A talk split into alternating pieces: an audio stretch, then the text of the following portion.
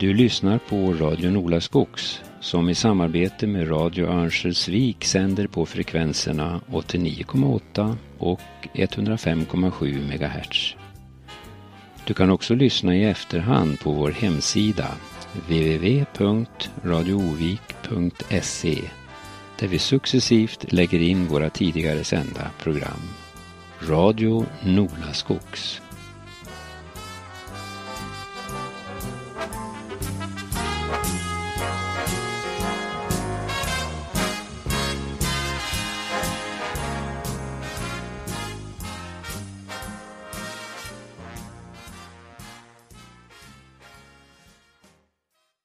Det här programmet kommer att handla om karosstillverkningen på Hägglund och Söner. Jag som pratar heter Börje Göransson och har ingen Hägglundsanställning i bagaget, men har ändå som inlånad elektriker tidvis jobbat där på fastigheter, kranar och pansarfordon. Men har sedan barnsben ett stort intresse för bussar och järnväg. Gedigen Hägglundsbakgrund har däremot min medarbetare i programmet, Ture Svedlund. Vad är Övik känd för? Ja, i vår tid torde det vara ishockeylaget Modo. Och den som haft med militär att göra tänker på bandvagnar och pansrade fordon. Men backar vi till, tillbaka till tiden efter andra världskrigets slut och framåt så torde de flesta svara busskarosser. För knappast någon svensk som åkt buss eller spårvagn i den tiden torde ha undgått att sett skylten Hägglund och Söner Örnsköldsvik som satt någonstans väl synligt. Vid den här tiden svarade Hägglunds för hälften av landets busskarosser. Ett tiotal andra karossbyggare gjorde sitt bästa för att likna Hägglunds. Till skillnad från en modern bil består en buss av två komponenter, chassi och kaross, oftast av skilda tillverkare. Förr var chassit verkligen ett sånt som var bärande för karossen. Idag oftast en fram- och bakvagn som karossören binder samman till en självbärande kaross. Hägglunds historia torde många av er lyssnare känna till, men vi tar en kort sammanfattning. På 1890-talet hade Johan och Hulda Hägglund byggt ett hemman i Gullänget. Men Johans håg låg inte åt jordbruk. Han var mer intresserad av snickeri och teknik. Så 1899 startade han ett snickeri hemma på gården. I början mest för omgivningens behov av slädar, timmerdoningar och byggnadssnickerier. Vi bryter för lite musik. Sankta Klara klocka med Helen Sjöholm och Malena Ernman.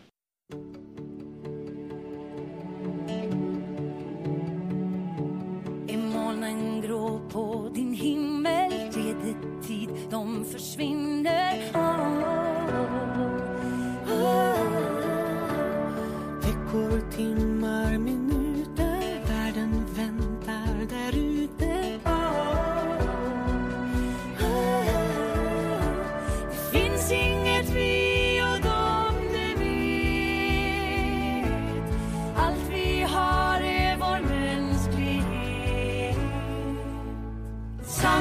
Santa klockan så slå för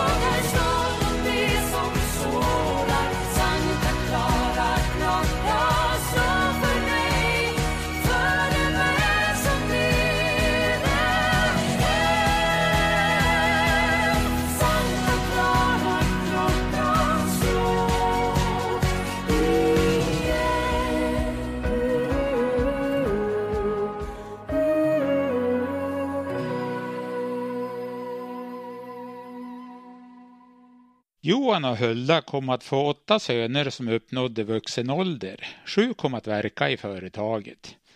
I och med sönernas uppväxt kom tillverkningen alltmer att inriktas på möbler av hög klass. Med tiden blev han Norrlands största tillverkare. Vid den här tiden, ungefär 1924, träffade Gösta Hägglund på diversarbetaren Anton Hector. Denna visade tidningsurklipp, en amerikansk buss byggd på ett T-Ford lastbilschassi. Kunde Hägglunds bygga en sån kaross? Troligen var Hägglundarnas valspråk kan andren så kan vi redan etablerats, så visst skulle man bygga en busskaross. Anton tänkte börja trafikera linjen Domsjö-Järved. Vägen slutar vid den här tiden i Järved. Karossen, en hög och skranglig historia, byggdes i plywood som då inte fanns i vattenfast utförande. Det gällde ju att bygga inte allt för tungt för att T-Fordsmotorn på 20 hästar skulle orka. Efter en tid träffade Gösta Hägglund på Anton Hector och frågade lite oroligt hur det var med bussen. Jo då, svarade Anton, men det gäller ju att hinna ta betalt innan passagerarna smit ut genom springorna. Trots denna inte alltför lyckade debut i karossvärlden kom det att byggas en hel del karosser på 20-talet. Om man ser bilder av Hägglundsbyggda 20-talare så kan det se ut lite hur som helst. Men i slutet av detta årtionde verkar man ta karosseringen mer seriöst. Nu får man en egen design och man expanderar kraftigt och blir snart landets största karossbyggare. På Stockholmsutställningen 1930 visar man upp fem bussar. Man var ju ute i rätt tid. När 20-tal blev till 30-tal hade bilen vuxit ur barnskorna. Från att vara en kuriositet och en leksak blev den nu praktiskt användbara. Främst som kommersiella fordon. Privatbilismen låg ju ännu några decennier bort. Nu tog karosseringen över på Hägglunds. I början på 30-talet upphörde möbeltillverkningen. I våra ögon kan steget från möbler till busskarosser synas stort. Men vi ska komma ihåg att den tidens busskarosser var i högsta grad ett möbelsnickeri. På en stomme av trä spikades plåt, tak av tunna ribbor klätt med duk och golv av trä. Nu tar vi lite musik igen. När vi spelar in det här programmet är det högsommar, så en nostalgisk låt att påminna om då, nu när hösten börjar göra sig påmind. Mats Olin med pappa Stigs Jag tror på sommaren.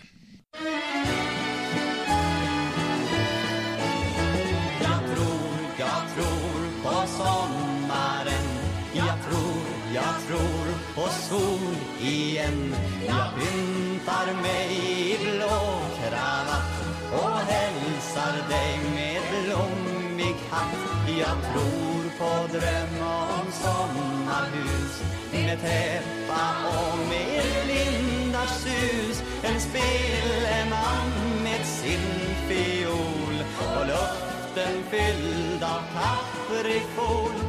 Kortast och blekast vintersol. Finns en decemberdag. Kallad för Thomas tvivlaren för att hans tro var svag. Han skulle aldrig någonsin trott på en sol, en vår. Och ändå förvandlas vintern till sommar vartenda år. Jag tror, jag tror på sommaren. Jag tror, jag tror på sol igen. Jag pyntar mig i blå kravatt och hälsar dig med blommig hatt. Jag tror på dröm om sommarhus med täppa och med lindars sus En speleman med sin fiol och luften fylld av kaprifol Midsommarafton, natten lång Kärlek och dans och sång. Solen som plötsligt börjar gå upp och ner på en gång. Pojken med flickans hand i sin viskar och får till svar.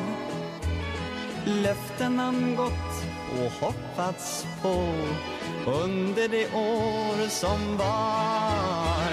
Jag slår på sommaren. Jag tror, jag tror på sol igen. Jag pyntar mig i blå kravatt och hälsar dig med blommig hatt.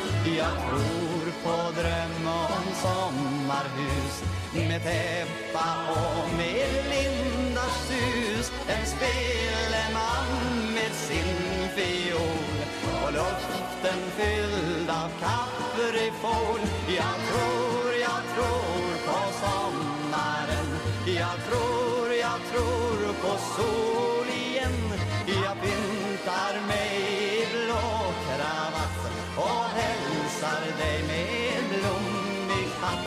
Jag tror på dröm om sommarhus med täppa och med lindars sus en speleman med sin fiol och luften fylld av kaprifol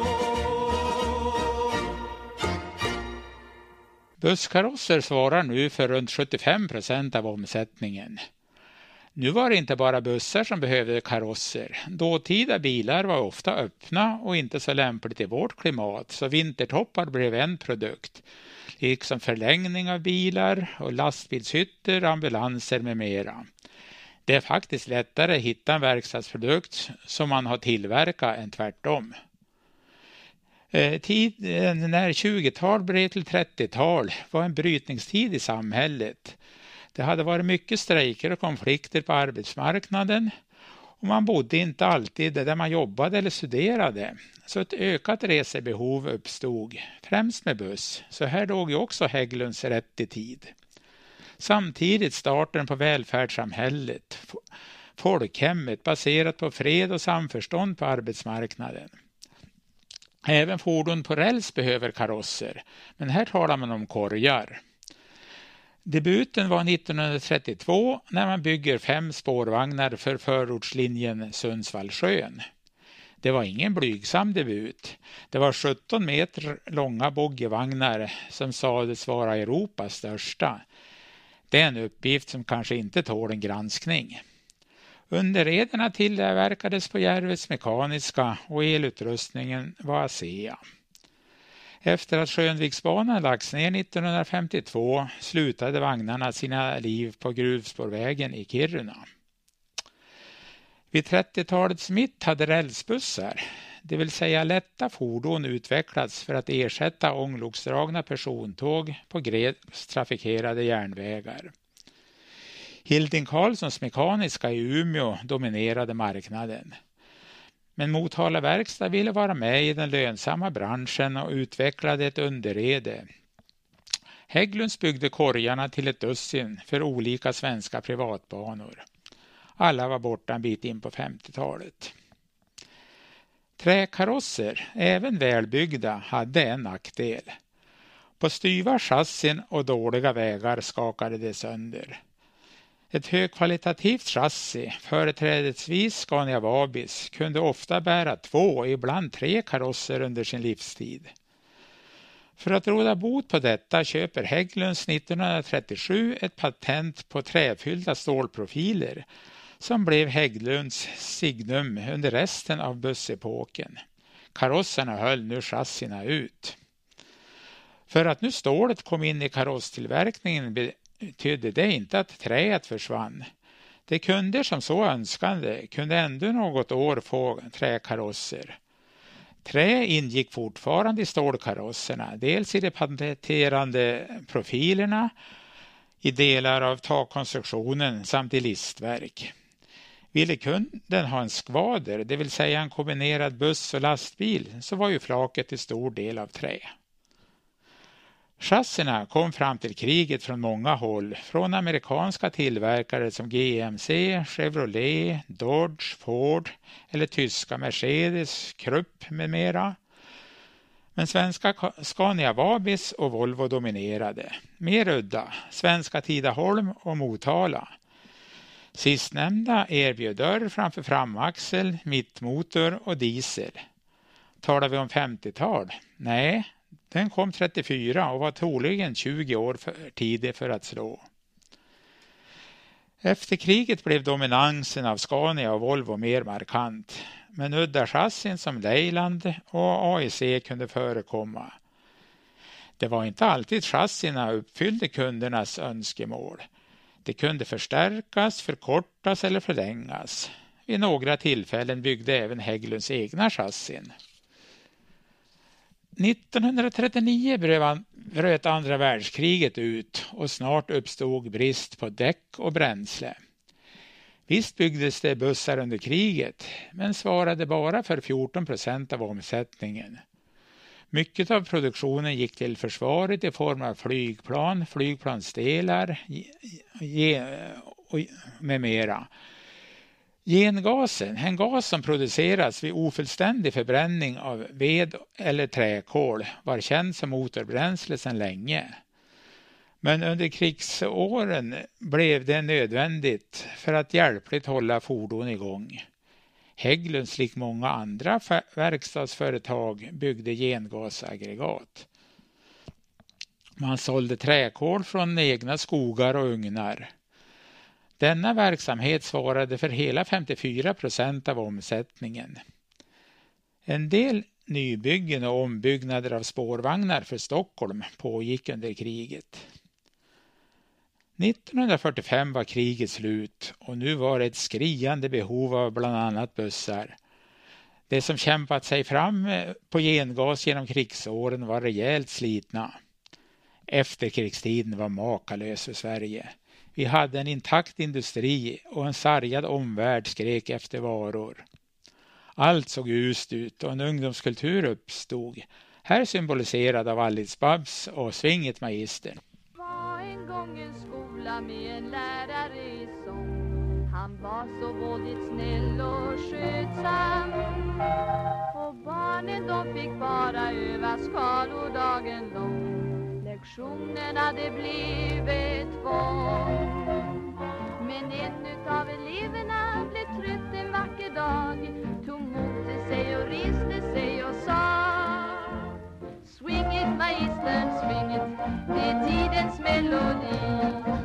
Gör som vi, var glad och fria, ni kan inte låta bli med all er energi. Och swing it magistern, swing it, det är tidens egen sång. Allesammans på en gång Bebe, vita lamm, är det ingenting för oss Nej, ska det vara förstås Och swing it, magister, swing it Det är tidens egen sång Det är rytm och fest och glatt humör Lyssna nu, försök och gör Swing it, swing it, magister,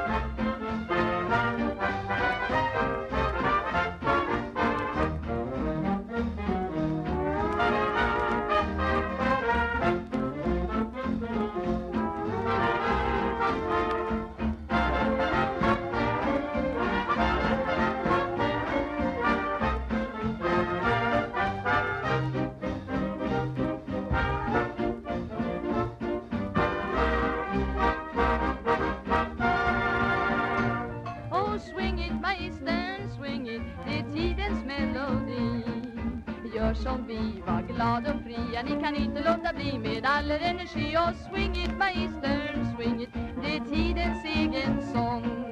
Allesammans på en gång.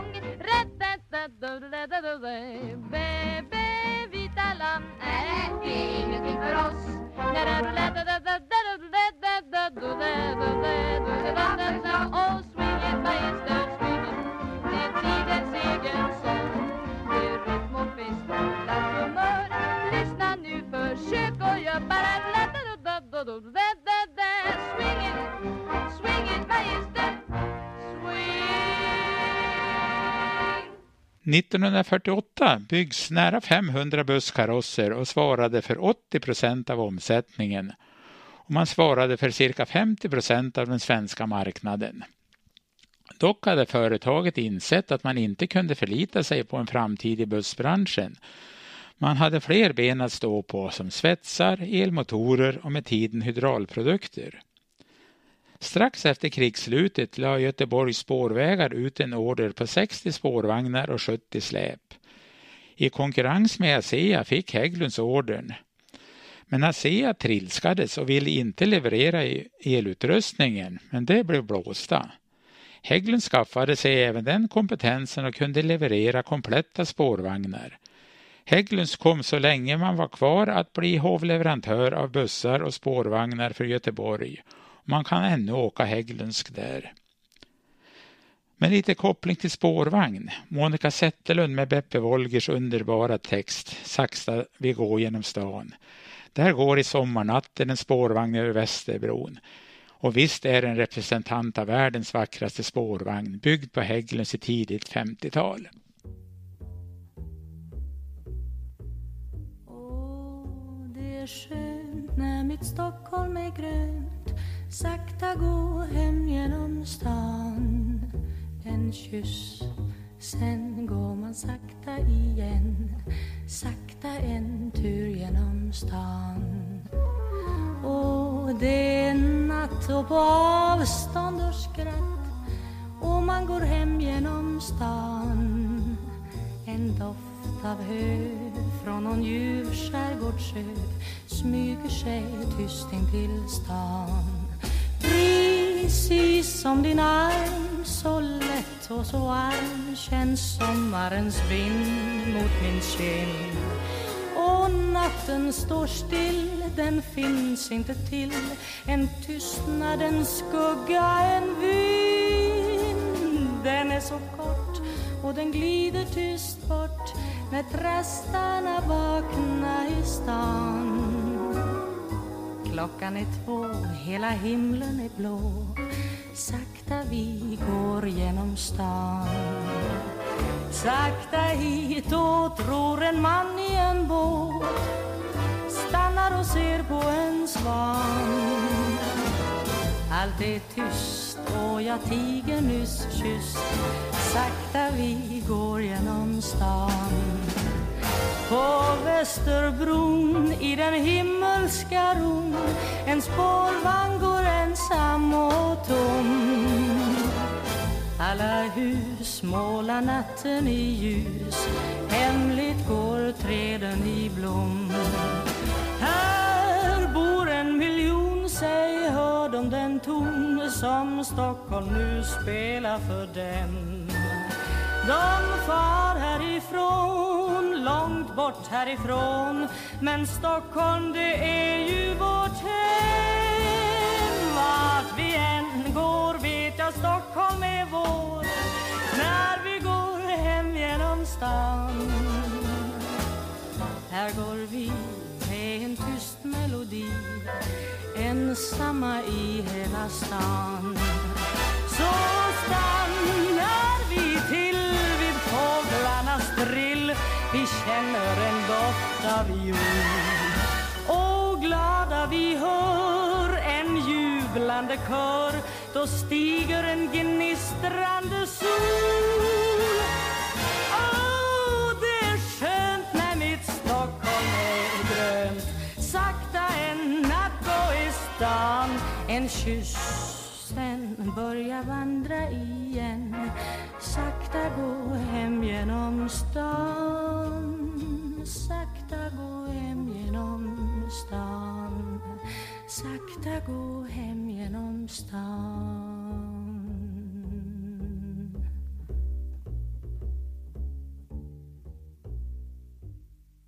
Mellan 1953 och 55 byggs 40 rälsbussar och 35 släpvagnar för SJ, men dessa var konstruerade av beställaren. Hittills hade alla rälsfordon gått på trailer till hamnen eller järnvägen. Först 1957 får man spårförbindelse med den första järnvägstunneln. En sista storhetstid på bussidan blev övergång till högertrafik. Inför detta byggdes de bästa bussarna om, men framför allt behövdes massor av nya. Alla karosstillverkare jobbade för högtryck. Hägglunds köpte in före detta linfabriken i Mellansel för högerombyggnader. Dock hade den svenska karossindustrin inte tillräcklig kapacitet utan främst Stockholms spårvägar köpte massor av färdiga bussar från tyska och engelska tillverkare. Marknaden tog inte omedelbart slut med högertrafiken. Det är före detta vänsterbussar som byggs som behövde utfasas. Vi tar en låt från den tiden om min egen ungdom, Alma Cogan och Tennessee Waltz.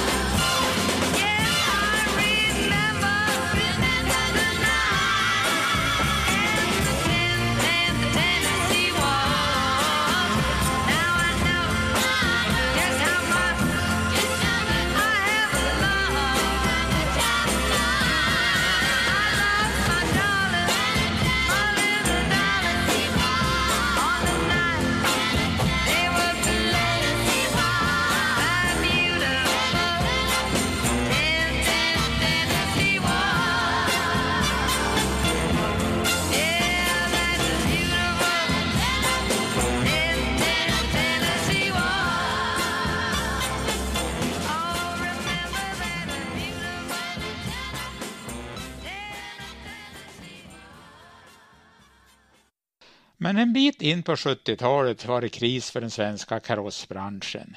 Nu var bussparken mättad och så hade utländska karosser och även kompletta bussar kommit. Fram till högertrafiken hade importen varit marginell. 1973 var det slut för Hägglunds busskarosser. Dels på grund av vikande marknad och så hade man nog inte riktigt hängt med i utvecklingen. En inte alltför ovanlig företeelse. Tänk bara på facit. Dock hade Hägglunds karosserna under glansperioden ett enastående gott rykte. Visserligen dyra och tunga, men gedigna. Hägglunds var inte blygsam i sin reklam, där man gärna påpekade riskerna vid en olycka om man färdades i någon av konkurrenternas karosser. En bussägare som köpte en Scania med Hägglunds kaross visade att han var vid god kassa. Stämde inte riktigt i våra trakter där nästan alla karosser var från Hägglunds. Riktigt slut på bussepoken var det inte 1973. Man samarbetade med finska Vima några år och eh, till en bit in på 80-talet byggde man bakdelen på ledvagnschassi för Volvo. Hägglunds var ju även stora tillverkare av andra kollektiva transportmedel som tunnelbanevagnar och förortståg. Spårvagnar typ M21 för Göteborg blev det sista som producerades i Hägglunds regi. 1988 gjordes en uppdelning av Hägglunds i fyra olika bolag. ABB Railcar var en av dem. Det övertog sluttampen på M21-ordern och tillverkade egen, i egen regi smalspåriga förortståg för eh, Roslagsbanan. Ja, det var allt för Radio Nolaskog den här gången. Tack för att du lyssnade.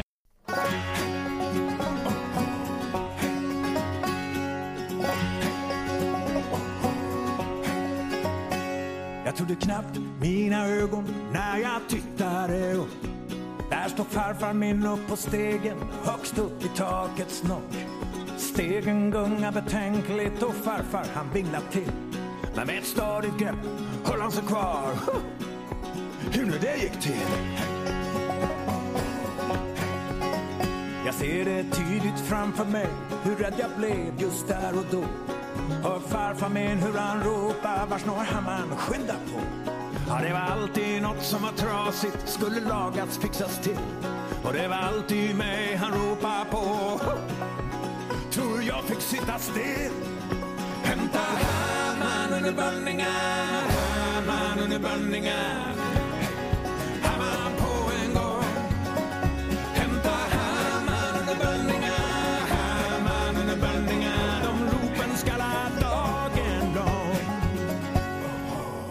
Över Spången springandes, hitta hammaren och lite spik.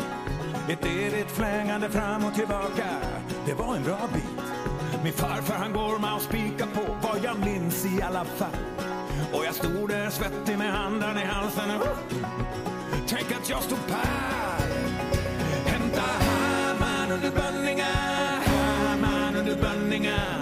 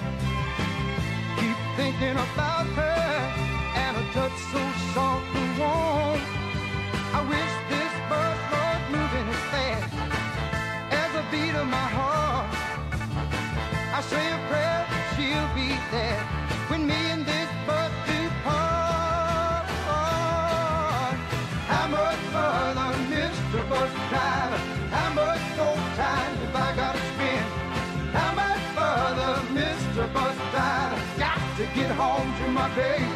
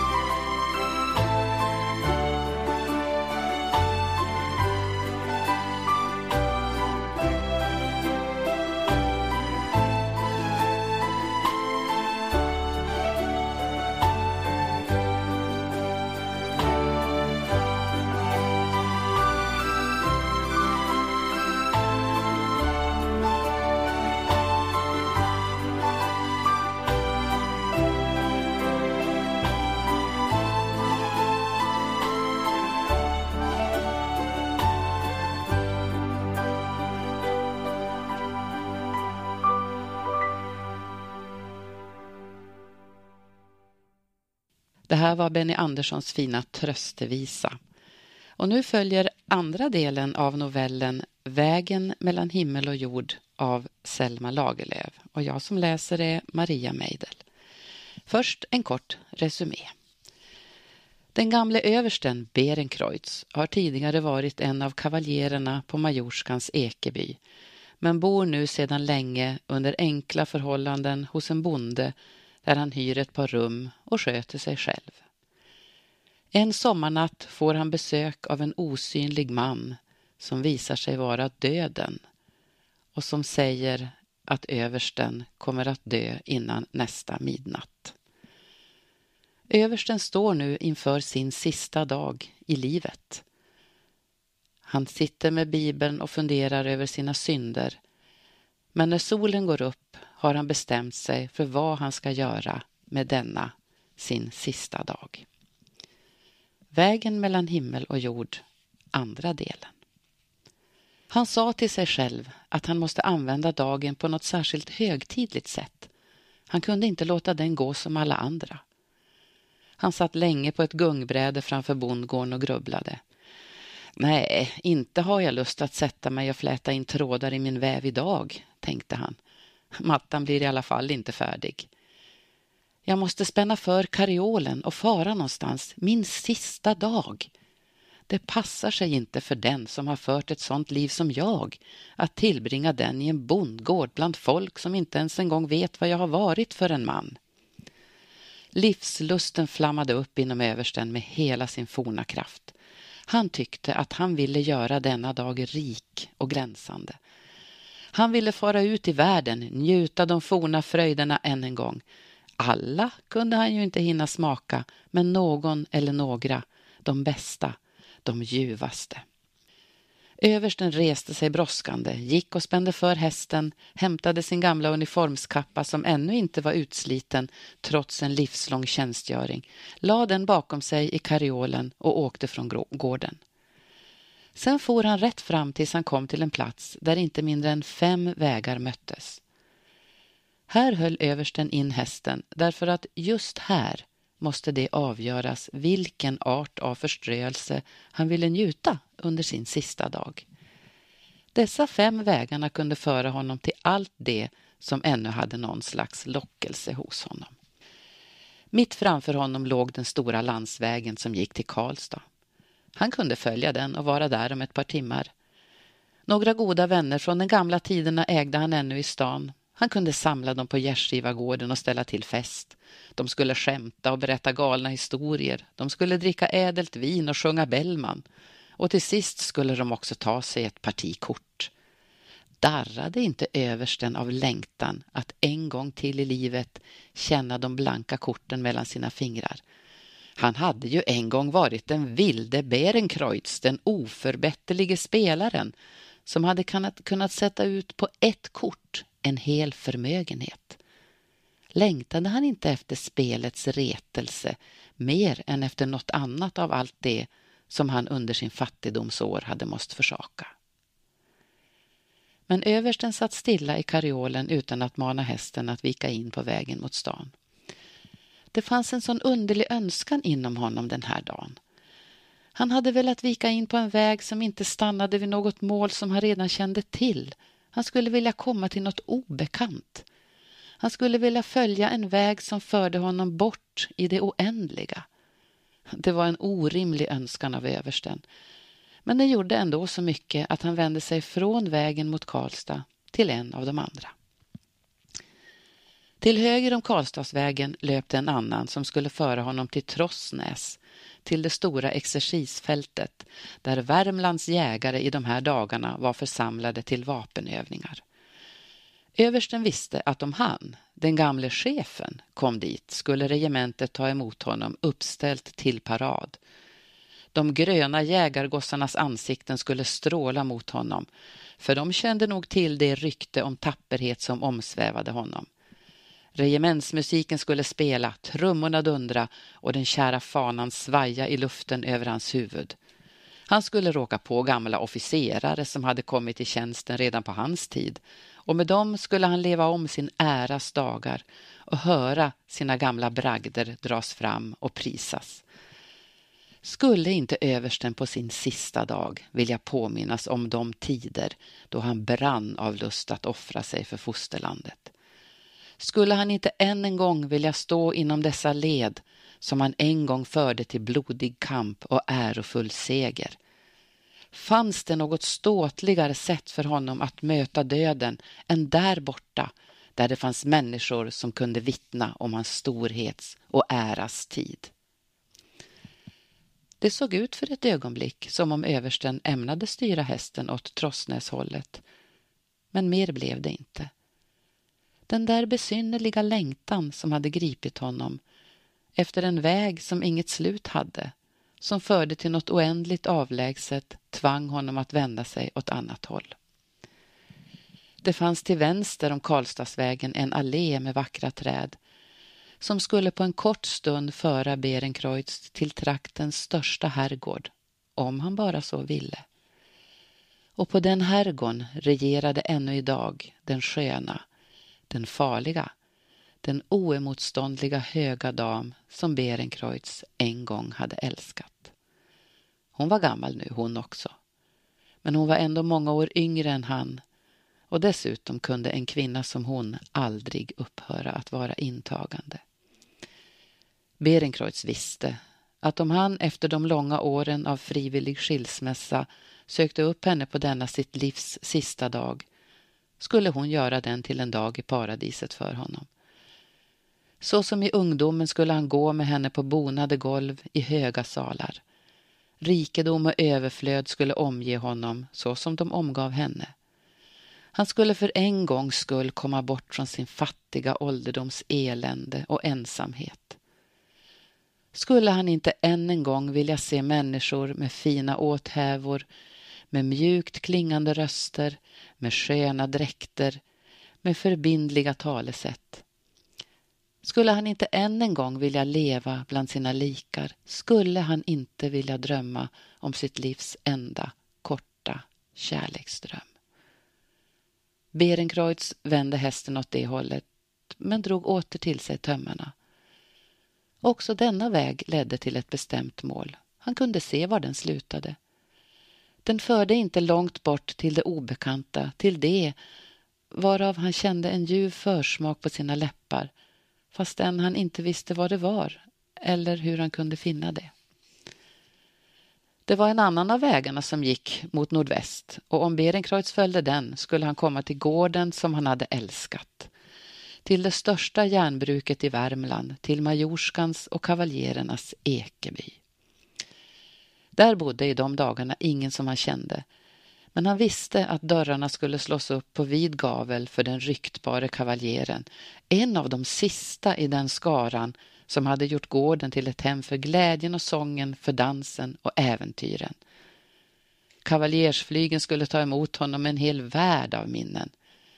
Den stolta forsen dånade ännu hotande förbi en smedja som Berenkreutz hade varit med om att uppföra. Skulle inte översten en gång till vilja skåda Ekebys skönhet och naturens härlighet vid Lövens långa sjö? Skulle han inte vilja känna sina ögon fuktas vid minnet av de människor som hade hans, gjort hans liv rikt och hans dagar korta? Skulle han inte vilja se dem på nytt träda fram för hans själs ögon? Den stolta majorskan, den sköna Marianne, den onde Sintram och den store bedåraren Gösta Berling. Berenkreutz skakade återigen på huvudet. Jag borde ha rest dit en gång, tänkte han, men inte idag. Nu måste jag fara till ett ställe där jag kan få stilla den här törsten som jag känner efter något som det är omöjligt att nå fram till. Han vände ögonen mot den sista vägen. Om han valde den så skulle han mot slutet av dagen komma till en liten gård som heter Lövdala och som ägdes av Liljekrona, den store fiolspelaren. Det var en liten och obemärkt gård. Det enda som han där kunde få njuta av var en smula musik. Men då översten såg den vägen kände han på sig att åt detta hållet måste han fara. Den där längtan som hela dagen hade bott inom honom drog honom ditåt. Översten nästan undrade över att han valde på detta sätt, men fortsatte vägen framåt i alla fall. Han kom till Lövdala rätt sent på dagen, men blev mycket väl mottagen och undfägnad. Liljekrona gladde sig åt att få råka en man från de märkvärdiga Ekebydagarna och som alltid då han kände sig på något sätt upplivad tog han fram fiolen och började spela. Men Liljekrona var nu gammal han också och han spelade inte mer som förr i världen. Det lät numera som om hans spel var sökande och tveksamt. Man skulle ha velat säga att han ville leta sig fram till något nytt, att han ville spela sig fram till klarhet i något som han grubblade över och som ord inte räckte till att tolka. Det fanns de som sa att Liljekronas musik inte var så mycket värd att lyssna till nu som förr.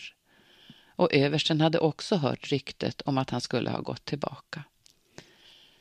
Men då han nu satt och lyssnade på honom kände han med ens på sina läppar en försmak av något obeskrivligt ljuvt och lockande. Han förstod, han som skulle dö om några timmar, att Liljekrona höll på att staka ut en väg som inte någonsin skulle komma fram till ett mål. En väg som han ville bygga ända bort mot det oändliga. Och medan han lyssnade till hur musiken banade sig fram genom tvivel och hinder för att nå längre bort än både tanke och aning blev han så pass vek att han gav sig till att berätta för sin värd vilket besök han hade haft under natten och att han säkert visste att denna dagen var hans sista. Det var inte utan att Liljekrona blev rörd. Och det var därför att bror visste detta som bror kom till mig idag, sa han. Jag får inte hit för brors skull, sa Berenkreutz och hans ögon stirrade framför sig med en besynnerligt tom blick. Jag kom visst att fara hit till Lövdala därför att jag skulle få höra bror spela. Nu medan jag har suttit och hört på bror har jag tänkt på att det var detta och ingenting annat som jag ville höra en sån här dag. Det är något eget med musiken, säger bror. Ja, visst, sa Liljekrona, det har bror rätt i. Det är något eget med musiken. Ja, sa översten. Det kanske är så att den inte hör riktigt hemma här på jorden. Herregud bror, när man tänker efter så är den ju rakt ingenting. Man kan inte ta på den, den kan inte säga något som man förstår och begriper. Tror inte bror att musiken är det språket som talas där långt borta, fortsatte han och visade uppåt med handen. Fast det bara är ett svagt genljud som kommer ner till oss. Bror menar, sa Liljekrona som inte hade lätt att finna ord då det rörde sig om frågor som helst borde spelas fram. Jag menar att musiken hör till både jord och himmel, sa Berenkreutz. Den är nog menad som en väg åt oss över till det där andra. Och nu ska bror bygga vidare på den vägen så att jag får vandra på den ännu en stund, stund bort mot det där som inget slut har. Det gjorde Liljekrona.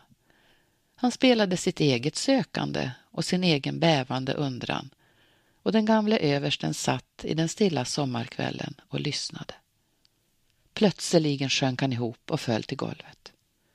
Liljekrona skyndade fram till honom. Han blev upplyftad och lagd på en säng. Det är bra med mig, sa översten. Jag går på vägen mellan himmel och jord. Tack och heder ska bror ha. Något mer sa han inte och ett par timmar senare var han död.